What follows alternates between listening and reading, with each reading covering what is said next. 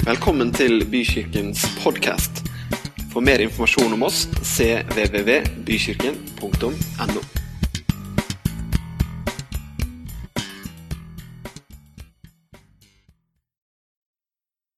Vi er kommet til uke åtte i eh, 100 dager med Jesus, og temaet for eh, denne uka er lidelsens problem. Livene våre de er sårbare. Ting skjer. Ulykker, sykdom, brutte relasjoner og død. Uventet, brått og brutalt. Og det kan gjøre vondt. De siste dagene og ukene så har vi flere ganger hver eneste dag faktisk fått tydelige tall presentert. Innlagt på sykehus, i intensivbehandling, antall døde personer. Det er disse siste ukene. Men sannheten er at det hele tiden er ekte mennesker. Det er våre kjære og kjente som opplever lidelse. Mange har et ideal om at vi skal være lykkelige. At tingene skal gå vår vei. Vi ønsker at ting skal gå bra. Og når idealene er høye, så kan også fallhøyden bli ekstra stor når det uventa treffer oss nådeløst og tilfeldig. Vi snakker om smerte, fortvilelse, savn og mørke.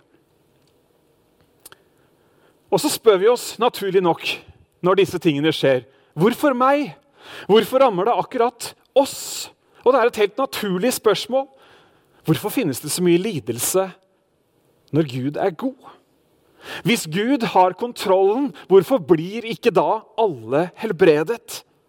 Dette er spørsmål som vi som mennesker kjemper med og stadig kommer tilbake til. Hva betyr troen når katastrofen rammer oss? Hva betyr det at vi som troende har en som vi kan gå til? Jesus Kristus han er ikke et høytsvevende ideal utenfor rekkevidde. Han er ikke en gud som er langt borte, som er fjern for oss. Nei, han er nær. Han forlot himmelen med all, all dens herlighet, kom ned til oss mennesker og smakte på hva det er å være menneske. Jeg har lyst til å dele et vers med dere som står i Hebreerbrevet kapittel 4. Og det handler nettopp om Jesus. Siden vi har en stor øversteprest som har gått inn gjennom himlene, Jesus, Guds sønn, så la oss holde fast på bekjennelsen. For vi har ikke en øversteprest som ikke kan lide med oss i vår svakhet, men en som er prøvet i alt, på samme måte som vi, men uten synd. La oss derfor frimodig tre fram for nådens trone, så vi kan finne barmhjertighet og finne nåde som gir hjelp i rette tid. I denne ukas tekst så møter vi Jesus når livet treffer hardt.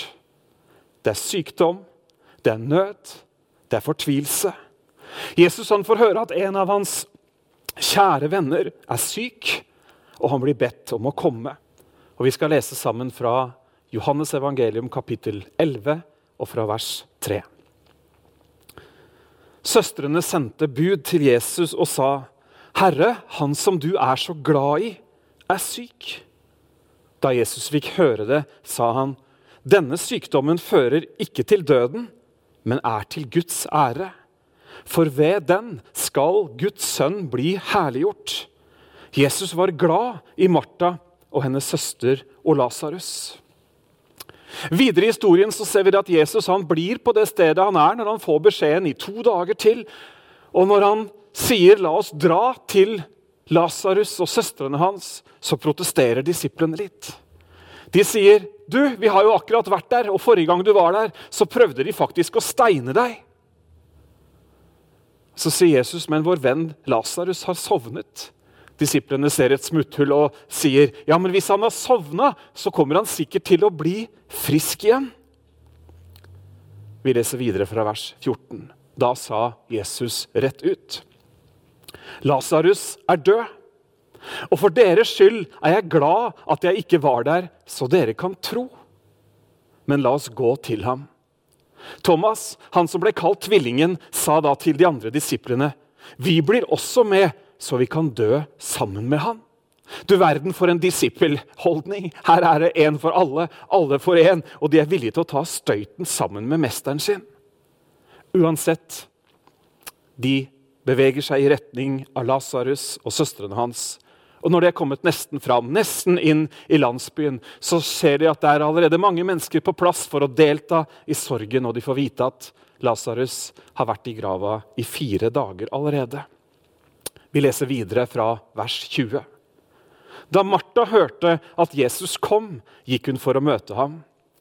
Maria ble sittende hjemme. Martha sa til Jesus, 'Herre, hadde du vært her, var ikke broren min død.' Men nå men også nå vet jeg at alt det du ber Gud om, vil han gi deg. Din bror skal stå opp, sier Jesus. Jeg vet at han skal stå opp i oppstandelsen på den siste dag, sier Martha. Jesus sier til henne, 'Jeg er oppstandelsen og livet'. Den som tror på meg, skal leve om han enn dør. Og hver den som lever og tror på meg, skal aldri i evighet dø. Tror du dette? Ja, Herre, sier hun. Jeg tror at du er Messias, Guds sønn, han som skal komme til verden. Og så går Martha i stillhet til Maria og sier, 'Mesteren er her og spør etter deg.' Og Det står her i historien at Maria brått reiste seg. De som var der for å sørge sammen med henne, de tenkte at nå skal hun sikkert dra, oss, eh, dra til graven der hvor Lasarus ligger. Og vi leser videre fra vers 32. Da Maria kom dit Jesus var og fikk se ham, kastet hun seg ned for føttene hans og sa, 'Herre, hadde du vært her, ville ikke broren min vært død.' Da Jesus så at både hun og alle jødene som fulgte henne, gråt, ble han opprørt og rystet i sitt innerste, og han sa, 'Hvor har dere lagt ham?' 'Herre, kom og se', sa de. Jesus gråt. Se hvor glad han var i ham, sa jødene. Jesus reagerer som et menneske. Ofte når vi leser bibeltekster som vi har vært gjennom mange ganger før, så forter vi oss. Men jeg vil at vi skal kjenne litt på smerten i situasjonen her. Det er lidelse. Det er død. Maria kaster seg ned for Jesu føtter. Og ikke bare serverer hun en innøvd setning, som det så lett kan bli når vi leser en historie en gang til, men hun utøser, utøser sitt hjerte. Hadde du vært her, Jesus, så hadde han ikke vært død. Og gråter. Folka rundt henne gråter. Og Jesus, han gråter også. Han var et menneske som oss. Han kjente hvordan smerten var som en tung klump, hvordan gråten pressa seg på. Han blir opprørt, han blir bevega. Vi har ikke en øverste prest som ikke kan lide med oss i vår svakhet. Nei, vi har ikke det. Vi har en som er prøvet i alt på samme måte som vi. Kan han ikke gjøre noe, da? Sa noen av de som var der. Han har jo åpna blindes øyne. Igjen ble Jesus opprørt i sitt indre. Og vi leser videre fra vers 39, når Jesus går bort til graven. Jesus sier, 'Ta steinen bort'. Herre, sier Martha, den døde søster, det lukter av alt av ham. Han har jo ligget fire dager i graven. Jesus sier til henne, 'Sa jeg deg ikke at hvis du tror, så skal du se Guds herlighet. Så tok de bort steinen. Jesus løftet blikket mot himmelen og sa, Far, jeg takker deg fordi du har hørt meg. Jeg vet at du alltid hører meg, men jeg sier dette pga. folket som står omkring, så de kan tro at du har sendt meg. Da han hadde sagt dette, ropte han høyt. Lasarus, Kom ut! Da kom den døde ut, med liksvøp rundt hender og føtter og med tørkle bundet over ansiktet. Jesus sa til dem, Løs han, og la han gå. Jesus kommer ikke med en lang forklaring. Jesus kommer ikke med en, en, utlegging av hvordan og hvorfor dette kunne skje. Han prøver ikke på en teologisk utlegging eller et filosofisk resonnement. Men han kommer inn i situasjonen. Han kommer inn i det rommet, om du vil, der hvor sorgen dominerer. Han kommer heller ikke med en unnskyldning for at han kom seint, eller et konkret svar på hvordan dette kunne skje. Han kommer med sitt nærvær, med sin personlige tilstedeværelse, med sitt lys. Og det forandrer alt. Et nærvær som rekker lengre enn sorgen. Et nærvær som veier mer enn smerten, og et håp som er større enn de faktiske forholdene og omstendighetene der og da. Jeg har mange ganger hørt mennesker si 'Noen bærer meg'. Eller 'Jeg har fått håpet tilbake'. Eller 'Jeg trodde ikke det var mulig å komme gjennom dette, men nå har jeg det bra'. Det er historiene, det er vitnesbyrdene, gang på gang, som kommer fra mennesker som har vært gjennom det vi kan kalle mer eller mindre umenneskelige situasjoner. Det er fantastisk, og det er styrkende. Hva betyr troen når katastrofen rammer? Gjennom troen på Jesus Kristus så finnes det et nærvær av menneskesønnen. Et nærvær av Jesus Kristus selv. Men hvorfor skjer disse onde tingene? Hvorfor skjer det, skjer det at folk lider? Hvorfor opplever vi smerte?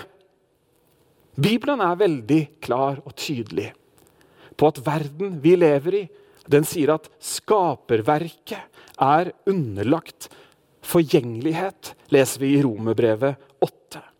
Synd er kommet inn i verden, og lidelse er en del av det. En del av det meningsløse, det absurde. Noen forsøker å forklare lidelse som en del av Guds plan. Men jeg tror heller at lidelse i ulike former er en av syndens grufulle virkninger. Derfor er det heller ikke riktig at mennesker skal bære på en skyldfølelse når lidelsen eller ulykken inntreffer. For noen år siden så døde en hel familie jeg kjenner, under tsunamien. Var det Guds plan? Var de selv skyld i det? Nei, på ingen måte. Og du kjenner sikkert noen, og jeg kjenner noen, som brått og brutalt har mista barnet sitt. Det er ikke Guds plan, og det er ingen som har skyld i det. Forgjengelighet betyr at synd og død og sykdom og smerte finnes i den verden vi nå lever i. Noen sier det er en mening med alt. Men jeg tror virkelig ikke at det er sant. Alt som skjer, kan få en mening, men det er ikke det samme som at alt som skjer, har en mening. Gud står ikke bak alt som skjer. Men at Jesus kan vende det onde til noe godt, det er helt klart. Men det er ikke det samme som at han står bak at det skjedde. Gjennom Johannes evangeliet, som vi nå holder på å lese sammen. Og i de andre evangeliene så gjør Jesus tegn, under og mirakler. Umulige situasjoner de blir endra. Uhelbredelige syke blir momentant friske. Fysiske lover brytes. Og alle disse tingene de skjer ikke for å skape en sensasjon der og da. Men de skjer for å vise oss hvem Gud er, og for at han skal få ære. Jesus gir oss midt i disse situasjonene, et glimt inn i et rike som er annerledes, som har helt andre forutsetninger. Et rike der hvor han sitter på tronen. Himlenes rike. Guds rike. Når Jesus gikk omkring på jorda, så gjentok han dette. Himlenes rike er kommet nær. Det er det riket der hvor alle de som tror på Jesus Kristus, hører til. Og Det er det vi får et glimt av, det er det vi får en smakebit av. Og mens vi ennå er her på jorda, så er det naturlig at vi som troende kan lengte etter vårt rette hjemland, himmelen. Jeg vet ikke om du husker det sånn i farta, men apostelen Johannes han skriver noe om hvordan det er i himmelen i den siste boka i Bibelen, i åpenbaringen. I kapittel 21 og vers 4 så beskriver han det slik. Han, altså Gud, han skal tørke bort hver tåre fra deres øye, og døden skal ikke være mer. Heller ikke sorg eller skrik eller smerte, for det som en gang var, er borte. Det spesielle med historien om Lasarus er at situasjonen, slik den så ut for Martha og Maria og for alle de andre som var der og tok del i sorgen, ikke var endelig. Jesus han kommer inn på banen, og med sitt nærvær så gir han oss et glimt. Han viser oss at siste ord er ikke sagt. Ikke engang døden får det siste ordet. Det er det nemlig Jesus som har. Midt i den smertefulle og tunge situasjonen så gir Jesu nærvær styrke og er et løfte i seg selv. Det er ikke først og fremst ord eller forklaringer vi trenger, men et nærvær som er større enn sorgen og sterkere enn smerten. Hans nærvær blir en slags forskuddsbetaling som sier at dette kommer til å gå godt til slutt, når vi tar vår tilflukt til Han. Vår tro på Jesus gir ingen garanti for at ting ikke kan skje. Men troen gir oss en kraft og en styrke midt i lidelsen. Og vi kan være vel vitende om at det er Gud som har det siste ordet. Og han har lovet å være med oss alle dager. Når sykdommen meldte sin ankomst, når utsiktene var mørke, så sendte Martha og Maria bud etter Jesus. Vi kan gjøre det samme. Vi kan gjøre det samme som de to søstrene gjorde. Vi kan sende bud etter han, invitere Jesus inn og gi hans nærvær plass midt i situasjonen. Og midt i dette, dere, så uttrykker Martha og Maria både sin tro og sin smerte. Martha hun bekjente sin tro, og hun sa det jo når Jesus møtte henne. Men også nå vet jeg at alt du ber Gud om, vil han gi deg. Maria lot sin smerte få komme ut. Hvis du hadde vært her, Jesus. Den kjente forfatteren C.S. Lewis sa en gang Gud hvisker til oss når vi er glade. Han taler til oss i samvittigheten, og han roper til oss når vi lider. Til deg som kanskje akkurat nå opplever sorg, smerte og fortvilelse. Ta imot de ordene som Maria fikk høre. Mesteren er her og spør etter deg. Mesteren er her. Hans nærvær forandrer situasjonen. Vi kan også være der for hverandre. Vi kan bringe Jesu nærvær, hans trøstende ord, til de rundt oss når de lider. Dere, la oss oppmuntre hverandre og si 'Mesteren er her' og kalle på oss.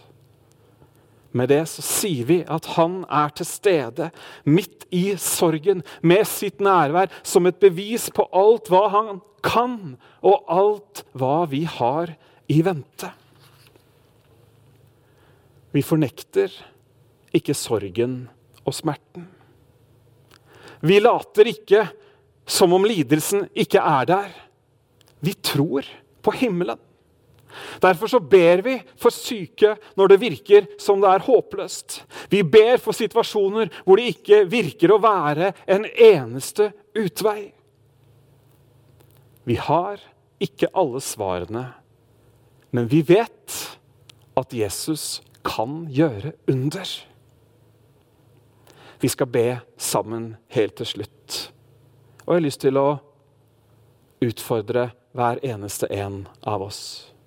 Våg å be Gud om et under.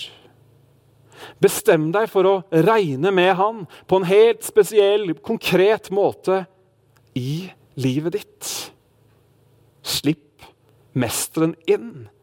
La hans nærvær fylle rommet. Kjære Jesus, jeg takker deg for at du føler med oss. Du bryr deg om hvordan vi har det.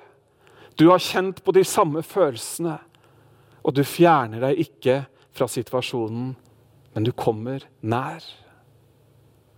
Takk for at vi i de tingene vi opplever i livet, det som ikke er godt, det som skaper fortvilelse og sorg Takk at vi midt i de situasjonene ikke trenger å fornekte at det skjer, men at vi kan regne med at ditt nærvær er der og hjelper oss til å gå gjennom enhver situasjon. Takk for løftet om en evighet sammen med deg. Takk for løftet om en himmel der det ikke finnes sykdom, smerte eller død. Takk for at vi hører til et rike som er et evig rike. Velsignet være ditt navn. Takk for alt det du har gjort for oss. Amen.